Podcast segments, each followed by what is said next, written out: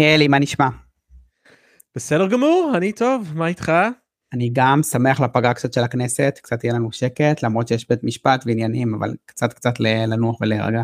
עד מתי הפגרה בעצם? אה, חודשיים וחצי, משהו כזה, יש להם הרבה חופש לח"כים. ומשפט, אה, התכוונת למשפט של נתניהו או משהו כן, אחר? כן, כן, המשפט של נתניהו, כאילו, זה, זה, הוא לא יורד לנו מהמסקי ה... ותגיד, כן, ואם יהיה איזושהי דרמה עם בג"ץ ועילת הסבירות, זה גם, זה רק מה, ספטמבר או משהו?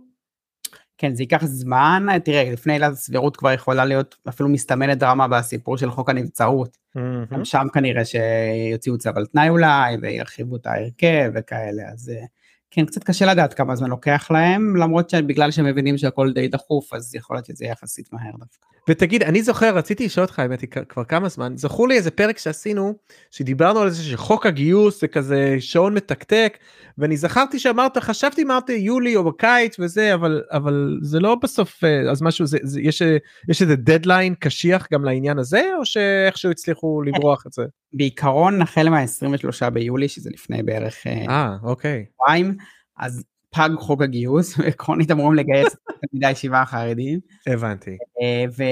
אבל הממשלה העבירה איזה מין החלטה שהיא כרגע מסמיכה את שר הביטחון לא לעשות את זה, זה משהו כזה, אבל כן המפלגות החרדיות דורשות בתוקף שזה יחוקק מיד בתחילת מושב החורף, ומבחינתם חיכו מספיק זמן עד, ועד העברת חוק הסבירות והכל, והן דורשות כבר להעביר את זה, ותשמע זה יהיה, אם אתה שואל אותי יש לי הימור שלא יעבור יותר חוק גיוס כזה בישראל.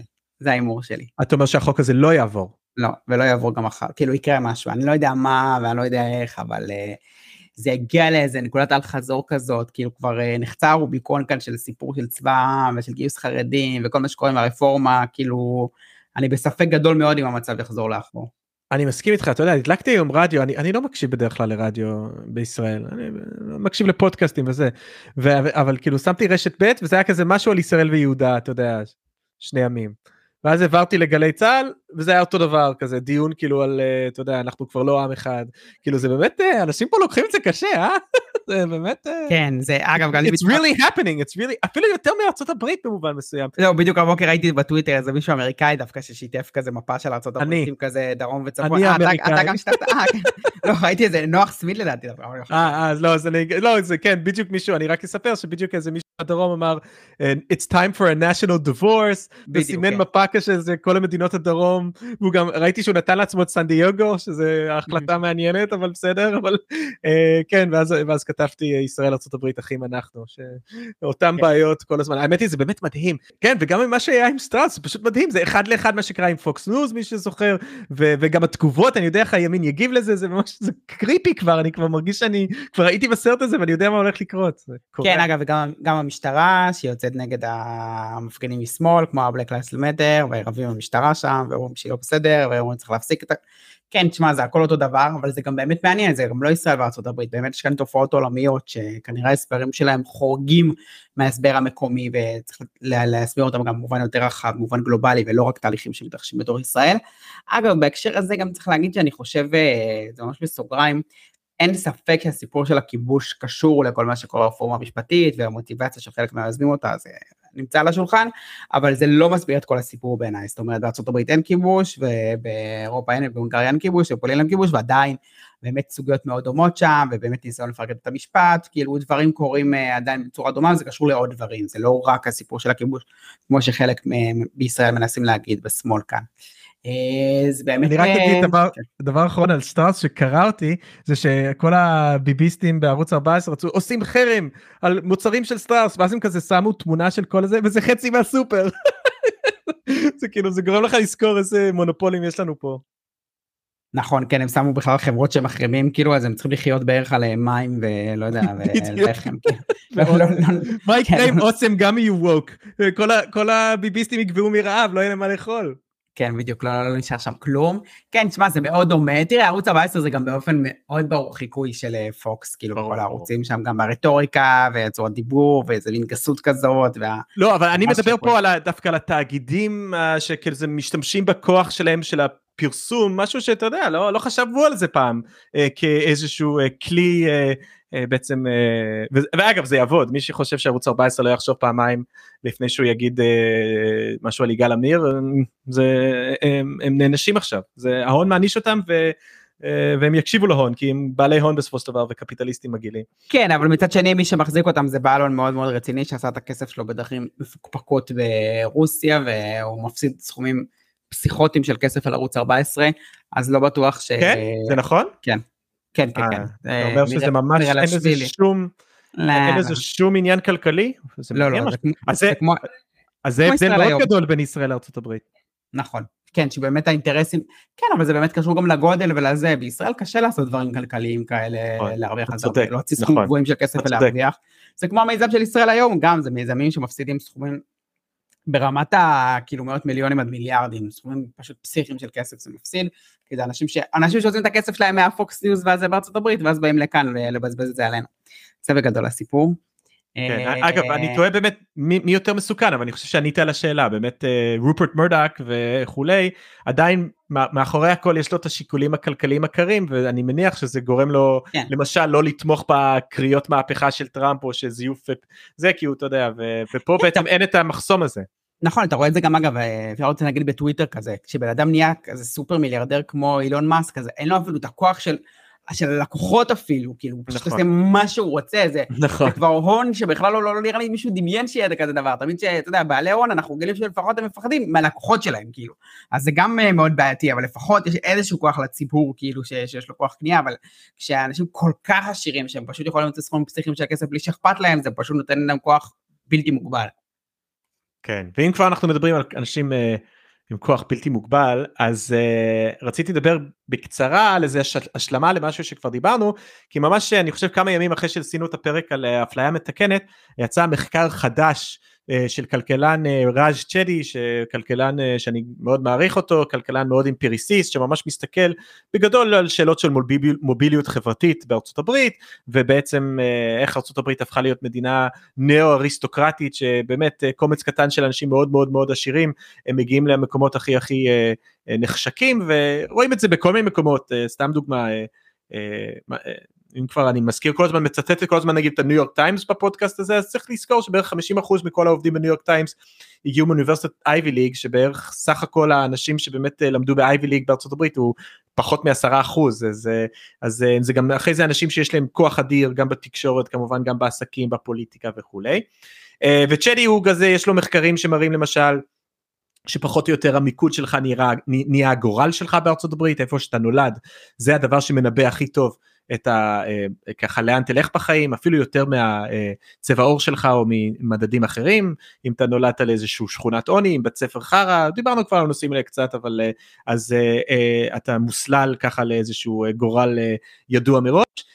המחקר החדש שלו אבל הוא בעצם מחקר אה, שיתוף פעולה צריך להגיד עם עוד הרבה כלכלנים אחרים אבל זה בעצם מחקר אה, שמסתכל על מי בעצם מתקבל לאוניברסיטאות העילית בארצות הברית. והסתכלו בעצם על ה Ivy League בתוספת של עוד כמה אוניברסיטאות אה, ישראלים אף פעם לא יודעים שה Ivy League זה בעצם רק אוניברסיטאות ב East Coast אז מקומות כמו סטנפורד או University שיקגו וכאלה זה לא אייבי ליג בכל מקרה אבל הוא הסתכל על האוניברסיטה העילית של העילית של ארצות הברית ויש גרף אחד מדהים שאחרי זה הופיע בניו יורק טיימס בעמוד הראשון שזה גרף ש... שבצד אחד מראה אה, מה הסיכויים שלך להתקבל לאחת האוניברסיטאות האלה, אה, עם ציון SATs ככה טוב אה, פלוס אבל לא איזה משהו מיוחד. אה, כאילו לא משהו טוב אבל כאילו לא כאילו אבל הכוונה היא בגרף הזה ש, שכל מי שמופיע בגרף הזה קיבל אותו ציון אה, ב, ב, בפסיכומטרי אותם ציונים בכלל גם בלימודים כאילו מבחינת ציונים זה אותו דבר ואז הסתכלו כאילו בעצם לפי עשירונים ומה שאתה רואה זה מאוד מעניין ש... Uh, בהתחלה אתה רואה שזה קצת יותר גבוה כלומר אם אתה באמת מגיע מהמקומות הכי הכי עניים בארצות הברית והצלחת להוציא ציון יפה uh, אני אתרגם את זה לפסיכומטרי נגיד הוצאת 700 בפסיכומטרי ואתה עני אז uh, הסיכוי שלך להגיע לאייבי ליג הוא יחסית uh, uh, יותר גבוה מאנשים אחרים כי בכל זאת יש הם כן מזהים פה שיש פה איזשהו סיפור יפה של בן אדם שבאמת הגיע מהכי הכי נמוך ועלה. אה, ואחרי זה זה נהיה די כזה מתייצב, קו ישר, אתה מגיע לעשירון ככה 7, 8, 9, נקרא לזה מעמד הביניים, אפילו אולי אפשר להגיד מעמד הביניים הגבוה בארצות הברית, ואז זה פתאום יורד, כלומר הסיכויים שלך למרות שקיבלת 700 פסיכומטרי, עכשיו הסיכויים שלך להתקבל לאוניברסיטאות האלה אה, יורד, אה, אה, לא המון אבל הוא בהחלט יורד, ואז פתאום בערך אה, קצת בעשירון העליון במיוחד במאיון העליון, אבל באלפיון העליון זה פשוט מטורף, הגרף הזה בסוף נראה כמו איזה קו ישר, ואתה פשוט רואה,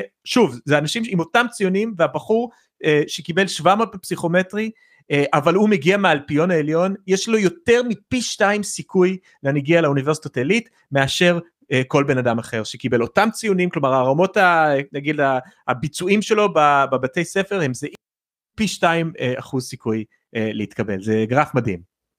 חשבתי שכולם גאונים פשוט באלפיון העליון והמיליון העליון ואז הם מתקבלים ל... כן, זה, כן, בג... אגב, זה בגנים שלהם. כן, אגב, כמובן, רק שאני אגיד שזה, שיהיה ברור, הסיכויים שלהם להתקבל הוא הרבה הרבה הרבה יותר גבוה ממה, ש, ממה שתיארתי עם הבחור הכי עני, כלומר, אה, אה, כלומר, אה, גם אם אתה מצליח באמת אה, להיות איזה ילד פלא אה, באיזה גטו שחור ומצליח להוציא ציונים גבוהים, הסיכויים שלך להגיע ל Ivy League עדיין משמעותית יותר קטנים אה, מהילד הסופר עשיר.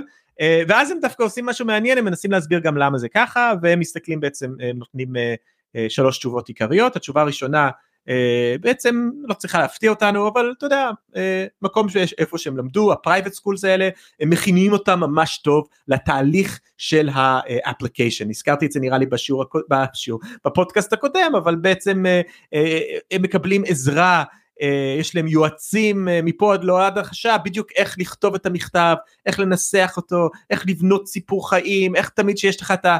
בארצות הברית קוראים לזה extra curricular activities, שיש לך תמיד ככה שהתנדבת במקום הנכון ו... והיית intern במקום הנכון או שעשית את, ה... אה, את ה hobbies הנכונים וכולי, וגם המכתב שלך הוא כמובן כזה מלוטש, כלומר מדברים על איזשהו ליטוש שיש רק ב...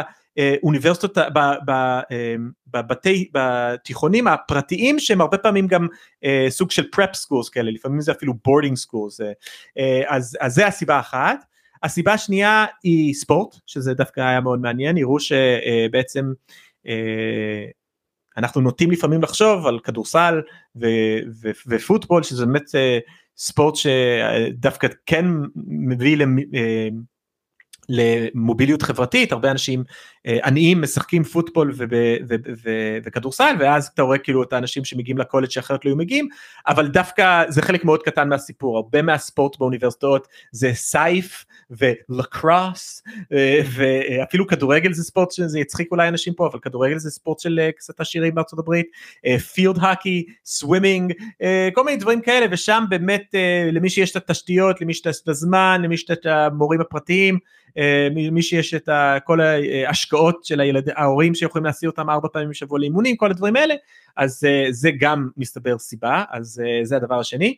והדבר השלישי, שזה אולי היה, הייתי צריך להתחיל איתו, כי זה כנראה הסיבה הכי חשובה, זה מה שנקרא admission שם legacy. שזה אה, אנשים שהם פשוט מתקבלים לאוניברסיטאות כמו הרווארד כי ההורים שלהם הלכו להרווארד והרבה פעמים הסבא הלך להרווארד והרבה פעמים לא רק שהסבא והאבא הלכו להרווארד הם גם תרמו להרווארד. כלומר זה באמת כבר אה, לא יודע אם לא, לא יקרא לזה שחיתות אבל זה כבר ממש אה, להשתין מהמקפצה לא מנסים בכלל לצייר פה אפילו אשליה של מריטוקרטיה. בסופו של דבר האוניברסיטאות האלה חיות לצערי או לפחות הן חושבות שהן צריכות לחיות מתרומות של אנשים עשירים ולכן אה, הם מרגישים שהם חייבים אה, לתת אה, בערך עשרה אחוז, זה הערכה של כל האנשים שמתקרבים לאוניברסיטות העילית האלה מתקבלים לא בזכות, לא, לא בזכות מה שהם עשו אלא בזכות מי שההורים שלהם. אגב זה מורגש בכיתה אני זוכר שיצא לי לתרגל כיתות של בהרווארד ואתה יודע יש שם חבר'ה מאוד חריפים במיוחד כזה יודעים לדבר וכזה ואז פתאום יש לך איזה בחור כזה שהוא לא יודע מרגיש לך קצת כזה טמבל כזה ואז אומר לעצמך טוב הוא ואז אתה שומע ממישהו אחר טוב אתה לא יודע מי זה אבא שלו אבא שלו זה ככה וככה. אז, אז זה באמת נכון אני יכול להגיד שמישהו שהיה שם. אבל אז זהו אז רק רציתי ככה תוספת קטנה לנושא שכבר דיברנו אבל מסתבר שארצות הברית היא יש לה אפליה מתקנת, אומנם ביטלה את האפליה המתקנת לשחורים, אבל את האפליה המתקנת לעשירים בהחלט עדיין יש. יש עכשיו איזשהו דיון, אני אומר במרכאות, על אולי לשנות את הנהלים, ובאמת אוניברסיטה אחת, וזליאן, של אוניברסיטה מצוינת, טובה, שאוט אאוט לאבנר שליט שמלמד שם, אבל בסופו של דבר אני ממש בספק שאייבי ליגס באמת יסיים, רגע לא אמרתי מה וזליאן עשו, הם ביטלו בעצם את ה-legacy admissions, כלומר אין יותר עניין בווזליאן שאתה יכול להתקבל רק על סמך זה שההורים שלך אה, למדו שם או שהם תרמו כסף וכולי. אה, אני ממש בספק אבל אם זה יקרה עם האוניברסיטת העילית האחרונות כי כל הסיבה אה, שהאוניברסיטות העילית האלה קיימות זה בשביל ליצור את האריסטוקרטיה הזאת אז הם לא הולכים לראות לעצמם ברגל בגלל זה שדוח לא משנה כמה הוא טוב אה, של אה, פרופסור שהוא עוד בהרווארד וכולי. אז כן, וצריך לא... להגיד שכמובן כל מה שאמרת עכשיו זה אחרי שבעצם מישהו ממעמד נמוך הצליח להתגבר על הפערים ובכלל לקבל ציון טוב, כאילו, ברור, מראש למד, כן. זאת אומרת הפערים הכי גדולים הרי נצברים שם, שהוא למד אה, בגיל קטן כבר המעון שלו היה פחות טוב, הבית ספר היסודי שלו היה פחות טוב, התיכון שלו פחות טוב, והוא הצליח, כאילו שם הרי רוב הפערים נצברים, והוא הצליח לקבל אותו דבר, גם אז הזה של האלפיון העליון כאילו יקבל אה, יותר ממנו, זה מטורף. בדיוק, זה מדהים, הרי ללכת לפי ציון פסיכומטרי, ואני חושב שכבר דיברנו זה כבר הדבר הכי מעמדי שאתה יכול לעשות, וזה נותן יתרון אדיר לעשירים שעושים את כל השיעור, אז, אז זה נקודה מאוד חשובה, תודה אביעד, זה, זה באמת... אה, כן, אגב, אני, משהו אחר בספיח לפרק הזה שעשינו על העדפה מתקנת, ארז מגור ידידנו כתב לי אחרי זה, והוא סיפר לי שעשו מחקר באוניברסיטת תל אביב של אה, סיגל אלון, שהיא סוציולוגית, והשוותה בין ארה"ב לישראל בהקשר של אה, העדפה מתקנת, גם ללימודים וגם לעבודה.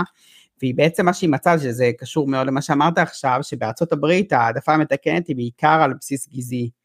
אה, כאילו שחורים, ילדים אמריקאים כאלה, ובישראל זה על בסיס מעמדי, זאת אומרת נותנים לפי שכר, לפי הכנסה של ההורים, כל מיני כאלה, אה, וא' היא מצאה שבאופן די מובן, אז באמת העדפה המתקנת עושה את העבודה שלה, זאת אומרת, העדפה המתקנת על בסיס גזעי הברית באמת מצליחה חלקית, לצמצם את האפליה הגזעית, ובישראל בגלל שזה מעמדי אז זה מצליח יותר טוב לצמצם את הסיפור המעמדי, זאת אומרת איפה שאתה שם את הפוקוס בהעדפה המתקנת זה באמת האפקט אה, יותר גדול, וגם אה, זה מתברר שזה מאוד ייחודי זה שזה בישראל העדפה המתקנת על בסיס מעמדי, בדרך כלל בעולם זה על בסיס גזעי, מתוך טענה לאפליה על בסיס גזעי של כל מיני קבוצות מיעוטים מסוימות, וזה שבישראל זה ממש על בסיס הכנסה זה דבר יחסית נדיר ומאוד מעניין שזה קורה דווקא כאן.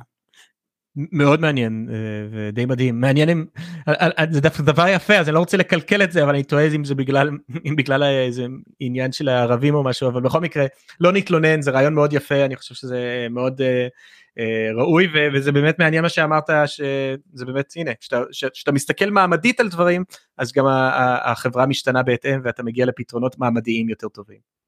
אגב, אתה יודע, היה לנו בכנס אחד במאי האחרון שלנו, היה לנו דיון ככה סביב, אה, זה הרבה הושפע באמת מכל הממשלה החדשה, ההפיכה המשפטית וכל זה, ודיבר שם אה, אודי פראבר, שהוא היה אה, סמנכ"ל משרד ראש הממשלה, וגם ממלא מקום נציב המדינה, שהרבה בשמאל לא אוהבים אותו בגלל דוח פראבר של הקרקעות של הבדואים, אבל עדיין, הוא היה בוס שלי פעם, הוא אדם חכם.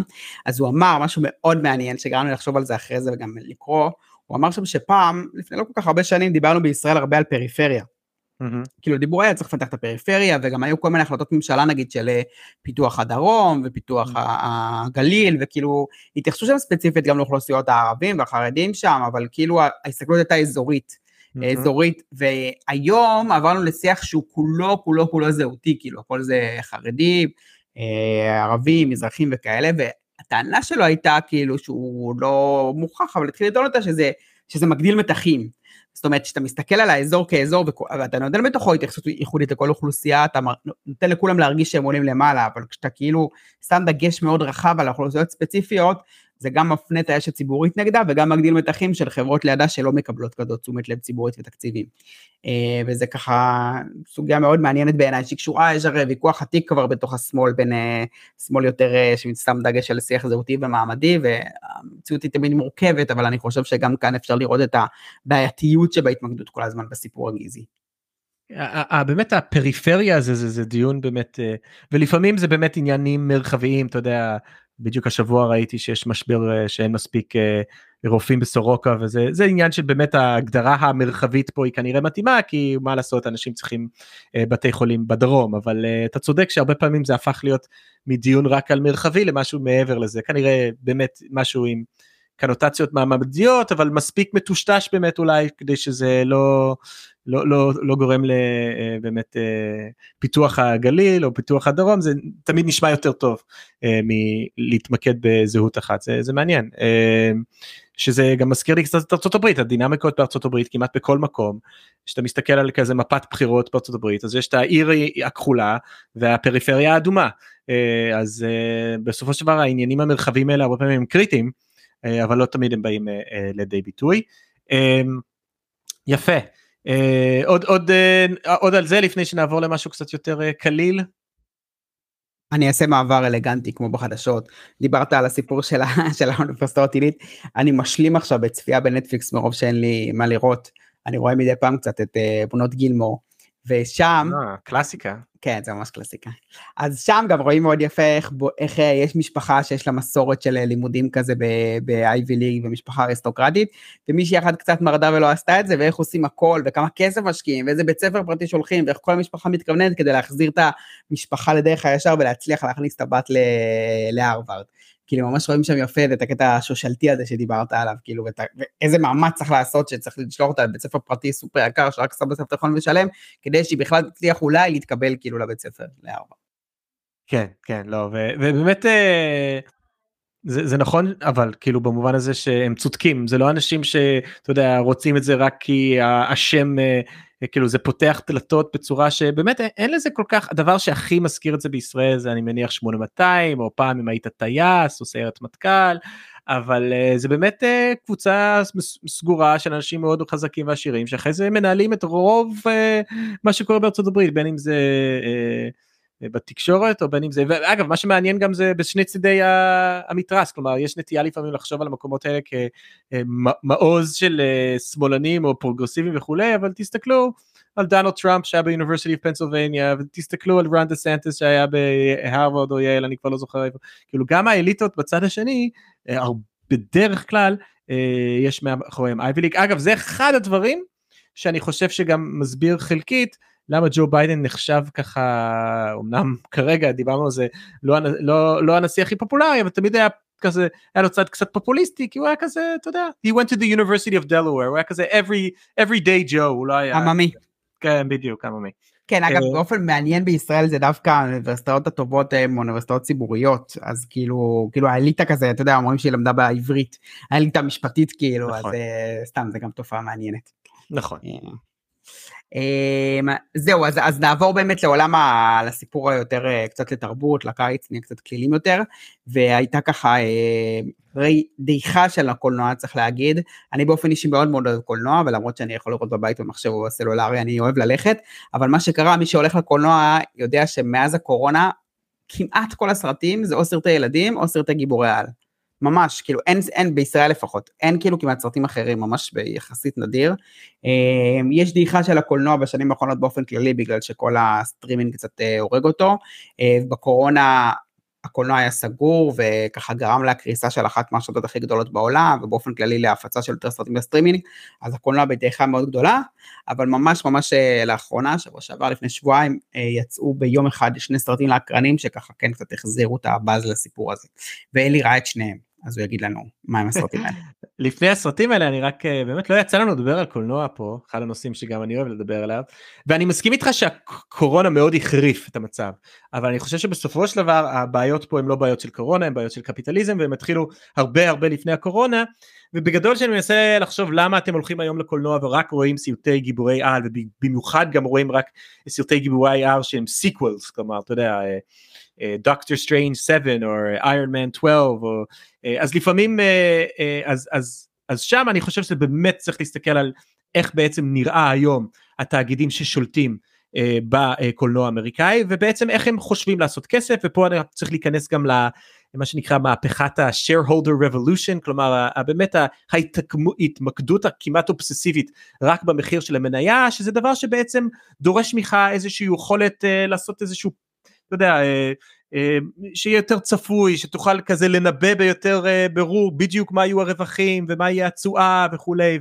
והמסקנה שהגיעו אליו כל הגאונים שמנהלים את הדברים האלה, שמה שחשוב זה מה שקוראים באמריקה IP, שזה ראשי תיבות של intellectual property.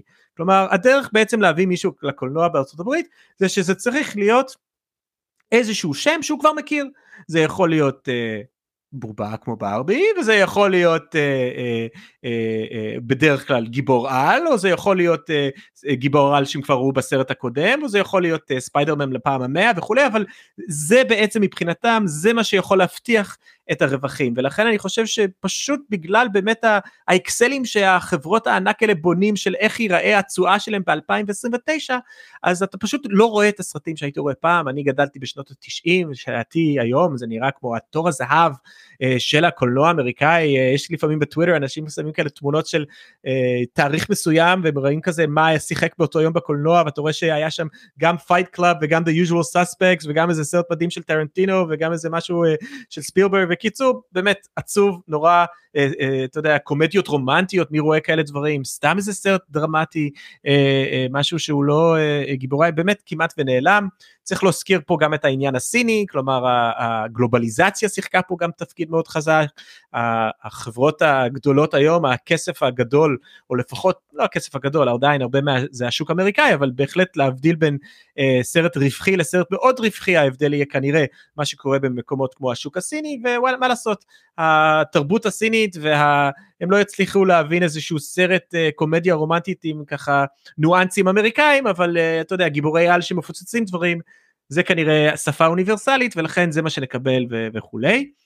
וזה גם לא מרגיז אותם, זה גם לא ירגיז אותם כי זה לא פוליטי ולא עוסק בזכויות של איזה אוכלוסיית מיעוט או משהו כזה, אז הם ככה זה לא יעצבן את הסינים, צריך להכניס כאן גם עוד עניינים כמו הסיפור של הזכויות יוצרים, שלא רק, לא רק בזיהוי של הקהל אלא בקטע של הם, הם, לכן נגיד כל מיני ראיתי שדיסני מוציאים מלא סרטים כאלה live action של כל מיני סרטים ישנים שלהם הם לא רוצים לשלם למישהו על זכויות יוצרים אז אה הם לא רוצים לשלם על זכויות יוצרים והם רוצים לחדש את הזכויות יוצרים שלהם על הסרט כדי שמישהו אחר לא יעשה את זה.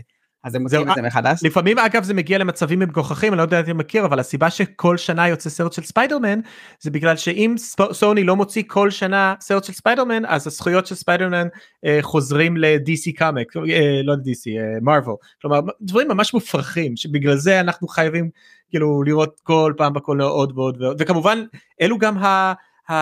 כל המשאבים נשאבים לזה כלומר הבמאים הטובים הצלמים הטובים השחקנים הטובים כולם אה, זה אגב אני מרגיש את זה איפה אתה יודע איך אני הכי מרגיש את זה אביעד?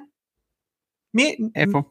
מי הכוכבי הוליווד החדשים הגדולים בשנים האחרונות אתה יכול לחשוב על מישהו אחד איזה טום קרוז או איזה טום הנקס או איזה כאילו אה, אה, אתה יודע קיליאן לא. מרפי שהוא הכוכב של אופנהיימר זה הוא באמת כוכב עולה אבל אה, אה, ואולי גם בעיקר מסדרות נראה לי היום בעיקר כן, כוכבים נכון, מגיעים מסדרות. אבל אפילו שם אין ה movie star כלומר עצם שאגב זה גם עניין מעניין כי כי הכוח פעם הכוח היה של ה movie star אתה יודע פעם היית פשוט שופך מלא כסף על תום uh, קרוז עושה איזה עלילה כותב איזה תסריט מקורית אגב לפעמים זה היה יוצא מדהים כמו The Rain Man ולצערי זה יוצא כזה קוקטייל כזה סרט כזה קצת מטופש אבל אתה יודע הכי חשוב שנראה את תום קרוז בלי החולצה כי הוא זה שמביא את האנשים והיום מה שמעניין זה שמי שמביא את האנשים לקולנוע זה לא תום קרוז כאילו גם תום קרוז דווקא כן אבל uh, זה לא השם של השחקן של הסרט בדרך כלל אלא אתה יודע המסכה שהוא לובש אתה יודע אם זה מסכה של ספיידרמן או אם זה מסכה של בטמן או אם זה זה זה שזה שינוי מטורף כאילו מבחינה אתה יודע חברתית תרבותית וכולי. כן, כן, ועוד עוד דבר שקשור לכל הסיפור הזה, גם סיפור של בתי הקולנוע. בישראל רואים את זה בצורה מאוד חריפה, את הדעיכה המוחלטת של בתי הקולנוע השכונתיים. בדיוק ראיתי, שבוע שעבר פרסמו של לב סמדר, שזה קולנוע שמאוד אהבתי ללכת אליו, הוא נסגר. קולנוע שהיה פתוח כבר עוד לפני קום המדינה, וכשהוא לא היה לב, זה היה פשוט קולנוע סמדר, ומתישהו אה, רשת בתי הקולנוע לוי השתלטה עליו, אה, והוא נסגר, וכמעט, כמעט, אולי, לא יודע, בדיזנגוף סנטר יש איזה רב חן, אבל קשה מאוד למצוא בתי קולנוע שכונתיים, וכמעט הכל עבר לכל הסינמה סיטי ויס פלאנט, מתחמי ענק כאלה של קולנוע, שזה חוויה אחרת לגמרי, ואני באופן אישי גם מתבאס על זה, אהבתי את הבתי קולנוע השכונתיים הקטנים האלה, וזה ממש משהו שהולך ונעלם, שתאגידי הענק של הקולנוע השתלטו על הסיפור הזה. לגמרי, מה שאמרת עכשיו זה באמת מדהים כמה שהחוויה בתוך האולם קולנוע הוא עכשיו אותו דבר כמו החוויה בחוץ אתה יודע אתה הולך לסינמה סיטי לפני שבכלל נכנסת הכל כזה ענק ו- ותאגידי ואתה כבר רואה כאלה פוסטרים ותמונות של סופר הירוס ואתה צודק כאילו אני בתור ילד 90's ישראלי כאילו תל אביבי קולנוע תל אביב קולנוע פאר הקולנוע הזה שהיה בתוך המדרחוב הקטן הזה שעכשיו לא מדרחוב פסאז' סליחה פסאז' אה, הוד נראה לי קראו לזה בכל מקרה אני בטוח שמישהו יכתוב לי אחרי זה ויזכיר לי אבל uh, זה היה מדהים זה היה קולנועים מדהימים ואתה צודק כמעט ולא נשאר וזה באמת uh, זה עצוב זה באמת עצוב uh, אני כל הזמן מרגיש uh, יותר ויותר שאתה יודע אם פעם הצליחו למכור לנו איזשהו נרטיב שהטכנולוגיות מביאות לקדמה אז אני באמת באמת לא יודע אולי זה אני מזדקן ואני רואה אבל אני רואה את הילדים שלי אני רואה את הטיק טוק אני רואה מה זה עושה להם. I was happier באמת ללכת בגיל 13 לעלות על האוטובוס ללכת לאיזה קולנוע עוד לראות איזה סרט מגניב יותר כיף. כן.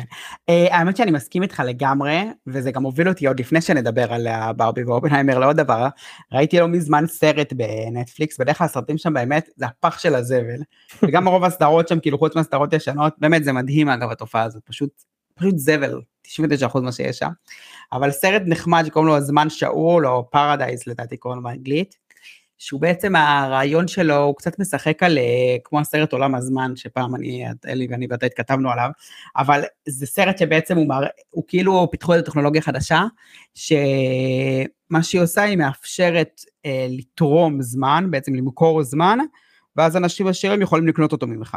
זאת אומרת, אפשר להעביר שנות חיים בין בן אדם לבן אדם, זה, זה הטכנולוגיה שכאילו פיתחו.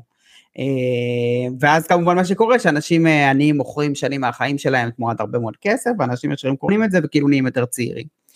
אה, ואנשים שמוכרים את השנים שלהם נהיים יותר זקנים כאילו בבת אחת. ואז אתה רואה כמובן כבר מההתחלה זה מין ניצול, הרבה פעמים פליטים כאלה שמנסים אה, להגיע לאירופה עושים את זה כדי לקבל איזה אשרת כניסה, וסתם אנשים עניים שאין להם כסף, וכמובן ניצול של הורים, ילדים וכאלה, אבל מה שככה העלילה, סליחה לספוילר, אה, שהסרט סביבה זה בעצם מישהי שהיא אה, לוקחת משכנתה, והערבות שהיא נותנת זה בעצם מכירת 40 שנה מהחיים שלה. זה הערבות לבנק שהיא נותנת, לא משנה, יש לה איזה שרפה בבית, ואז בעצם בית המשפט מאלץ אותה למכור את השנים האלה כאילו מהחיים שלה לחברה, כי ככה בעצם אפשר לממן את הדירה שהיא הייתה חייבת לבנק בגלל המשכנתה. ומה שחשבתי ככה סביב הדבר הזה זה שני דברים. א', אה, שלושה אפילו. א', שהשימוש הזה בזמן כתחליף לכסף הוא מאוד מעניין, ויש אותו גם בסרט עולם הזמן, ממליץ לראות למי שלא ראה, לדעתי סרט של איזה 10-20 שנה, אה, כי הוא פתאום, כשזה בזמן זה פשוט מעורר בך התנגדות מטורפת. כשמישהו מוכר את הזמן שלו כאילו, אתה פשוט לא יכול לסבול את זה, למרות שאנחנו יודעים שגם הכסף הוא שווה זמן חיים, ועניים כן, חיים... באתי להגיד, קוראים לזה מרקס, מרקס כן. אמר. נכון, נכון, זה, זה גם ברור, אנחנו יודעים כל כך הרבה מספרים, זה מספר שכל אחד יכול לראות, שאנשים שיש יותר כסף חיים יותר שנים, וחיים יותר טוב כמובן, וחיים בבריאות יותר טובה, אבל כאילו אנחנו מקבלים את זה, אבל כשמישהו מוכר את הזמן שלו, ממש זה... זה כאילו נראה, זה בלתי נסבל, כי אתה רואה את זה וזה פשוט, כשזה כל כך מוחלט, אז זה ממש בלתי נסבל לקבל את זה. זה הדבר הראשון. הדבר השני זה שכשהרבה פעמים, היום כל העולם הולך לכיוון שאנחנו ממסחרים כמה שיותר דברים. הכל הכל הכל ממוסחר, גם על זה כמובן מרקס דיבר, אבל בעצם אה, מי, לא יודע, אני יכול להזכיר את החדר שלי ב-Airbnb, ואני יכול לפחות היפותטית כאילו להיות נהג באובר, והכל אה, כל, כל דבר מזכירים אותו ולוקחים אותו ו, ויש יותר היום שיח נגיד גם של מכירת אה, איברים, נכון? אני, למה לא למכור, אה, למכור כליה? זה שיח באזורים היותר ליברטריאנים ככה, ואולי אפילו על זנות להתיר את זה, כאילו אנחנו ממש ממסחרים כל אה, היבט בחיים שלנו, כולל לפעמים אפילו הגוף שלנו, ואני חושב שאנחנו לא, וזו זווית שאני לא, לא חשבתי עליה כל כך, שאנחנו לא לוקחים לחשבון מספיק שכשברגע שאנחנו ממסחרים משהו, זה גם נהיה תו תקן של למסחר אותו, זאת אומרת, אם אה, נגיד במצב רגיל מישהו שהיה לוקח משכנתה על הבית שלו ואין לו איך לשלם, אז אה, בסדר, אז הייתה פושט את הרגל נגיד, חיה ברמת חיים נמוכה והיו גובים ממנה, בית משפט היה גובה ממנה איקס כסף כל, אה, כל חודש, אבל אם זה מצב רגיל שאפשר למכור שנות חיים או אפשר למכור כליה, אז גם ה, ה, בעצם הנושים יכולים לדרוש, טוב תמכרי כליה, או תמכרי את השנות חיים שלך בסרט הזה, זה כאילו נהיה בעצם איזשהו סטנדרט שאנחנו כבר פשוט דורשים אה, מאנשים לעשות את הדבר הזה, ואם, אה, זה גם יכול להיות אם מישהו יבוא לבקש כסף מהביטוח לאומי, אני אגיד לו בסדר, אבל לא מיצית את כל הכושר הסתכרות שלך, יכלת למכור את הכליה שלך, יכלת להשכיר את הבית שלך ב-Airbnb, יכלת להשכיר את הערך שלך באובר, כאילו אנחנו, ברגע שאנחנו הופכים הכל לממוסחר, זה גם הופך להיות משהו שבסוף זה מופנה אלינו כדרישה, ובעיקר מופנה מעניים כדרישה, לפני שאנחנו בעצם עוזרים להם אה, לשפר את המצב הכלכלי שלהם. וזה עוד ככה סיבה בעיניי שאנחנו צריכים להיות מאוד מאוד זהירים עם המסחור הזה ולא למהר כל כך אה, למסחר כל היבט בחיים שלנו, בטח בגוף שלנו, למרות שלפעמים במובנים מסוימים זה נראה דבר אה, הגיוני לעשות. כן יפה אני אני חושב גם על מה שאמרת על המכירת זמן בהקשר המרקסיסטי אתה יודע זה מה שאנחנו עושים כלומר אתה יודע רוב האנשים עניים מבלים את רוב החיים שלהם בעבודות שהם סובלים מהם ואתה יודע זה הדבר הכי יקר הזמן שאתה מבלה על כדור הארץ ואתה מבזבז אותו בלנקות אה, שירותים כי נולדת עני. טוב. נדבר קצת על אה, אני לא חושב אין לי אין לי הרבה מה להגיד על אופנהיימר אני לא גם אתה לא ראית אז אני לא לא חושב ש... אני חושב שזה סרט טוב לא יותר מזה אני חושב שזה הבאז סביב זה זה דווקא בדיוק בנושא שדיברנו קודם אני חושב זה סרט כאילו אתה יודע אם הסרט הזה היה יוצא לפני 15 שנה זה היה הסרט הכי כאילו סטנדרטי סבבה מגניב. הלכתי ראיתי חזרתי זה לא היה איזשהו אירוע תרבותי של השנה אבל בגלל שזה כל כך חריג שאשכרה יש סרט שהוא קצת אינטליגנטי קצת על נושא אתה יודע בהיסטורי ביוגרפי מורכב בלי אתה יודע איזה סופר הירוס אז כאילו כולם עושים מזה משהו מטורף. כמובן שגם כריסטופר נולן הוא שם שעוזר. אה, בקיצור ממליץ לאנשים לראות אבל זה לא היה איזה משהו שהפיל אותי מהכיסא או משהו כזה. אבל uh, ברבי זה יותר מעניין לדבר עליו והאמת היא אני חייב להגיד בסופו של דבר למרות שהחצי שעה האחרונה הייתה די גרועה אני חושב שגם ברבי בסוף אני חושב שברבי זה סרט שאני אזכור הרבה יותר זמן מאשר אני אזכור את אופנהיימר. אמ, אז אני מודה שאני לא ראיתי את אה, אופנהיימר ראיתי רק את ברבי אבל uh, קראתי את הספר ואני גם מכיר בגדול את הסיפור. Um, כן מה שראיתי שכולם בעיקר התלוננו זה כמה הסרט הזה ארוך. ו... וגם שהוא יותר מדי קופץ בזמנים שאגב אני שונא את זה אני לא יכול לסבול את זה שהם קופצים קדימה ואחורה אני לא מבין מה הסיפור שלהם. כריסטופר נולן צריך לסבך בשביל אה, רק בשביל שיהיה כן. סיפור. אבל כן. בוא נדבר על ברבי מה חשבת על ברבי אני סקרן לשמוע דווקא מה אתה חשבת אחרי זה אני. כן קודם כל זה היה קצת חוויה מעניינת שבאמת הייתי שם אה, עם אשתי ועוד מלא בנות קטנות בנות תשע בגדול זה הקהל בסרט הזה. אה, מה חשבתי על זה תשמע, יש כאן הרבה דברים אני חושב ש, שאפשר לדבר עליהם. א', זה שהסרטים כאילו, וזה גם קשור אגב לגיבורי על, הם לא מנסים להיות מציאותיים כמעט, אלא הם כאילו קצת עושים כמו בהצגות היום, הם אה, כאילו מודעים לזה שהם סרט. כאילו שוברים את הקיר הרביעי הזה אולי בין השחקן, בין השחקנים לקהל, או בעצם כאילו הסרט מודע לאיזשהו סרט והוא קצת חצי צוחק על זה והוא בשום צורה לא מנסה להיות ריאליסטי ולהפך הוא מנסה לעשות לא, שזה ייראה לא ריאליסטי כאילו ממש מתאמצים כדי שזה ייראה כאילו כאילו ה, כאילו זה המשחק או כאילו זה כאילו המשחק של ברבי והבובות שלה.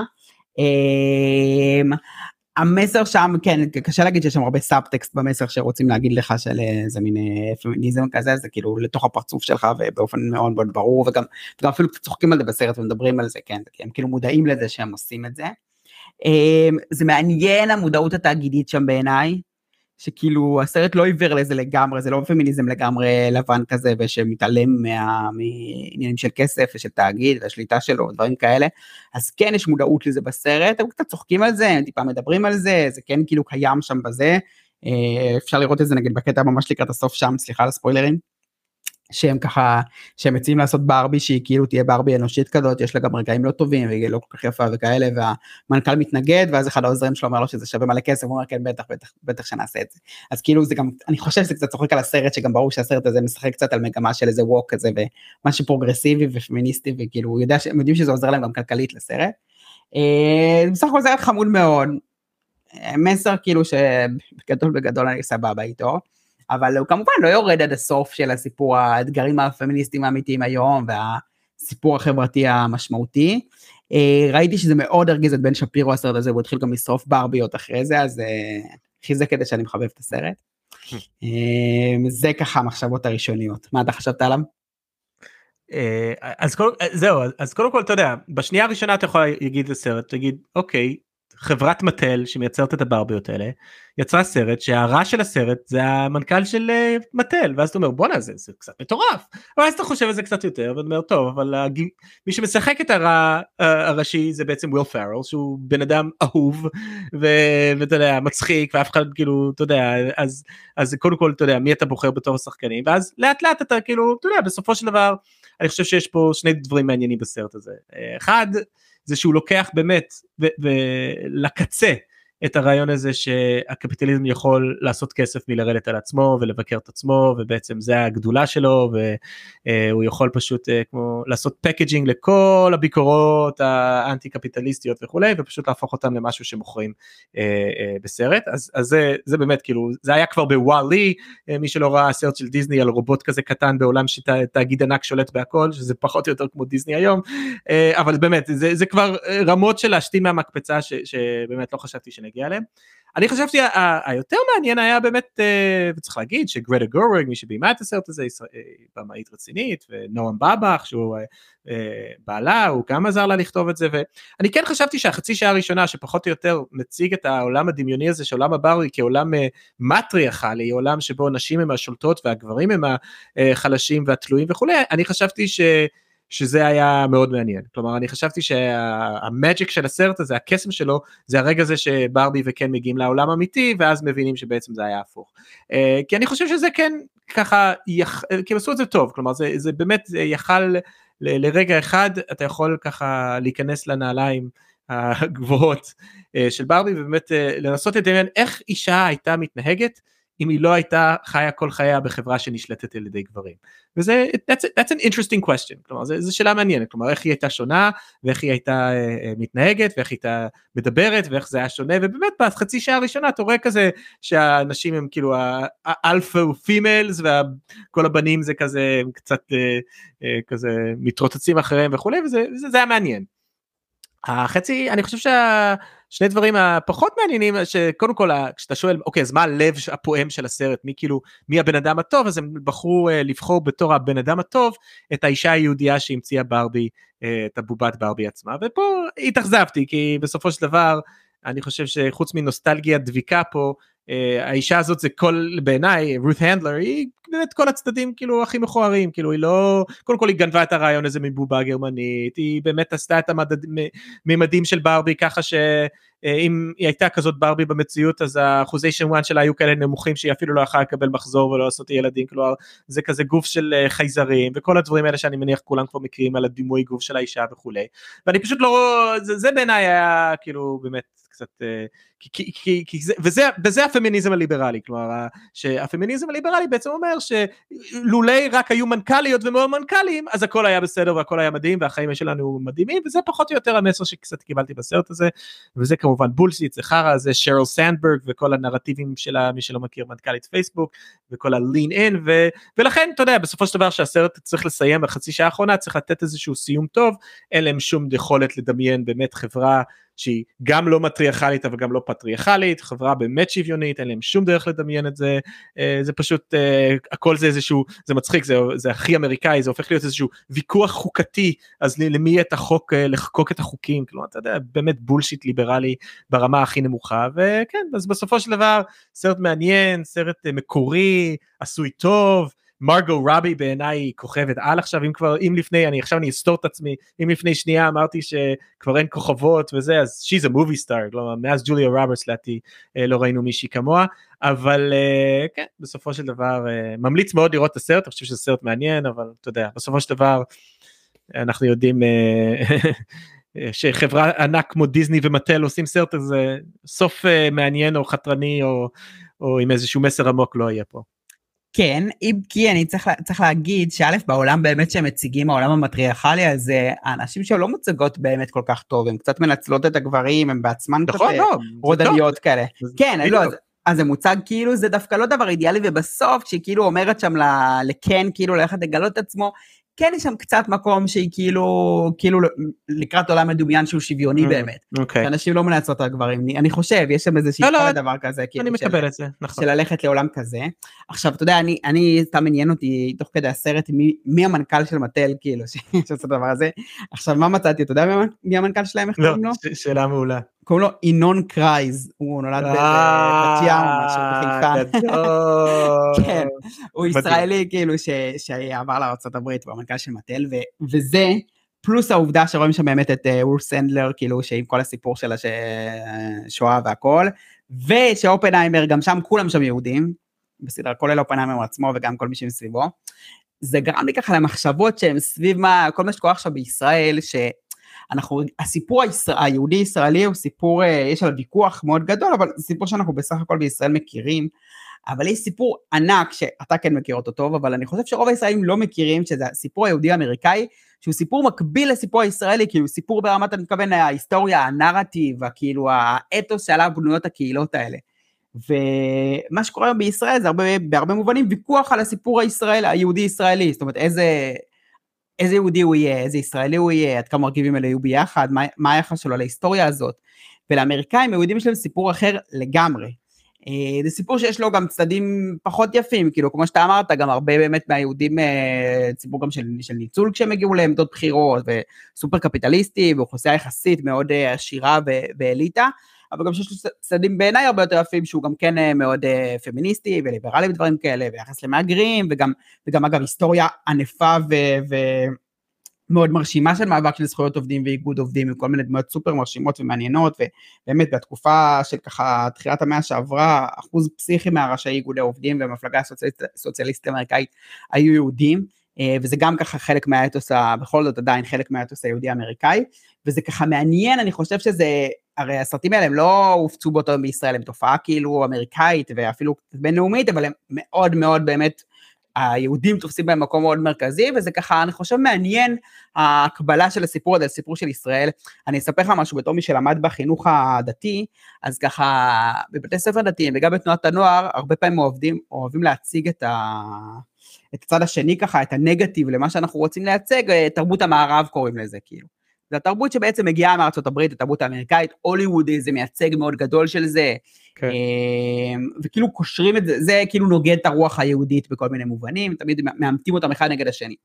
עכשיו כאילו זה דברים בסדר, ויש כמובן סתירה, כי בסך הכל רוב הדתיים בישראל גם צורכים את התרבות הזאת, והולכים לסרטים ורואים אותם, וסך הכל, כאילו יש כאן סתירה פנימית, אבל לא משנה, הדבר הזה קיים בצורה מאוד חזקה. ואני זוכר ככה ב-2000, לדעתי 15-16, טסתי לארה"ב באיזה משלחת של ארגון אה, קולות, והגענו דווקא לא לחוף המזרחי, אלא לחוף המערבי. היינו בלוס אנג'לס וסן פרנסיסקו, והכרנו כזה גם את העיר וגם את היהודים בעיר, את הקהילה היהודית וכאלה, ואני פשוט הייתי, אלה דברים שאני כאילו ידעתי אותם ברמת הספר, אבל להיות בלוס אנג'לס ולהבין שתעשיית הקולנוע שם, ונראה לי דיברנו על זה באחד הפרקים, היא תעשייה של מטל יהודים כאילו, הם, הם יהודים בסיפור שם, ולכן התרבות המערב הזאת היא בעצם הרבה מובנים פשוט תרבות יהודית אבל אחרת, היהודית האמריקאית. נכון, אבל אתה, אתה יודע מה מעניין בסרט, אני מסכים עם כל מה שאמרת, אבל מה שכל כך מעניין בסרט, גם אופנהיימר וגם ברבי זה שאתה צודק, שבסופו של דבר זה סרטים מאוד מאוד מאוד יהודים, היהדות היא, היא במרכז, היא הלב של הסרט.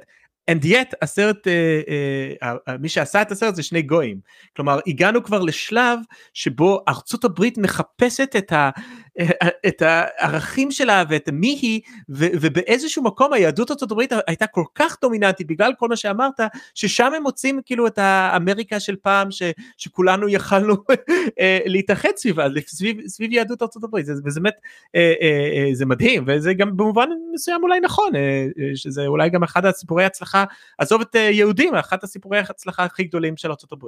ואני רק אסיים את הנקודה הזאת שאמרת בזה שאנחנו עכשיו, אה, בזמן שדיברנו על ברבי ואופנהיימר, שאגב צריך להגיד, אה, עשו הרבה מאוד כסף ויש איזו הרגשה שאולי הם יוכלו להחזיר אנשים לקולנוע אחרי באמת הקורונה והסטרימינג וכל הדברים שאתה ציינת. ובמקביל אנחנו נמצאים עכשיו עדיין בשביתה הכי חשובה והכי ארוכה בהוליווד, הוליווד is completely shut down, אין כרגע אף סרט ש...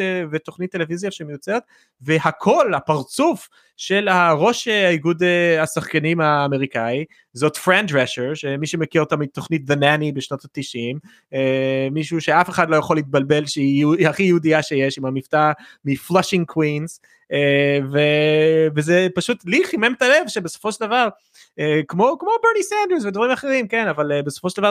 שארצות הברית מחפשת את הקול השמאלני והאנטי קפיטליסטי שלה ובאמת אני מציע לכם רק להיכנס לגוגל יש לה כמה נאומים פשוט מדהימים על המנכ"לים של דיסני וכמה הם מרוויחים וכולי אז לי עדיין מחמם את הלב שאתה יודע we still got it אנחנו יהדות ארצות הברית עדיין למרות כל הדברים המכוערים שקורים בוול סטריט עם יהודים ובמקומות אחרים אה, עדיין הקול הזה, אה, אה, גם הצד הזה של יהדות ארצות הברית וגם של הוליווד נשאר, ובהרבה מובנים אני חושב ש...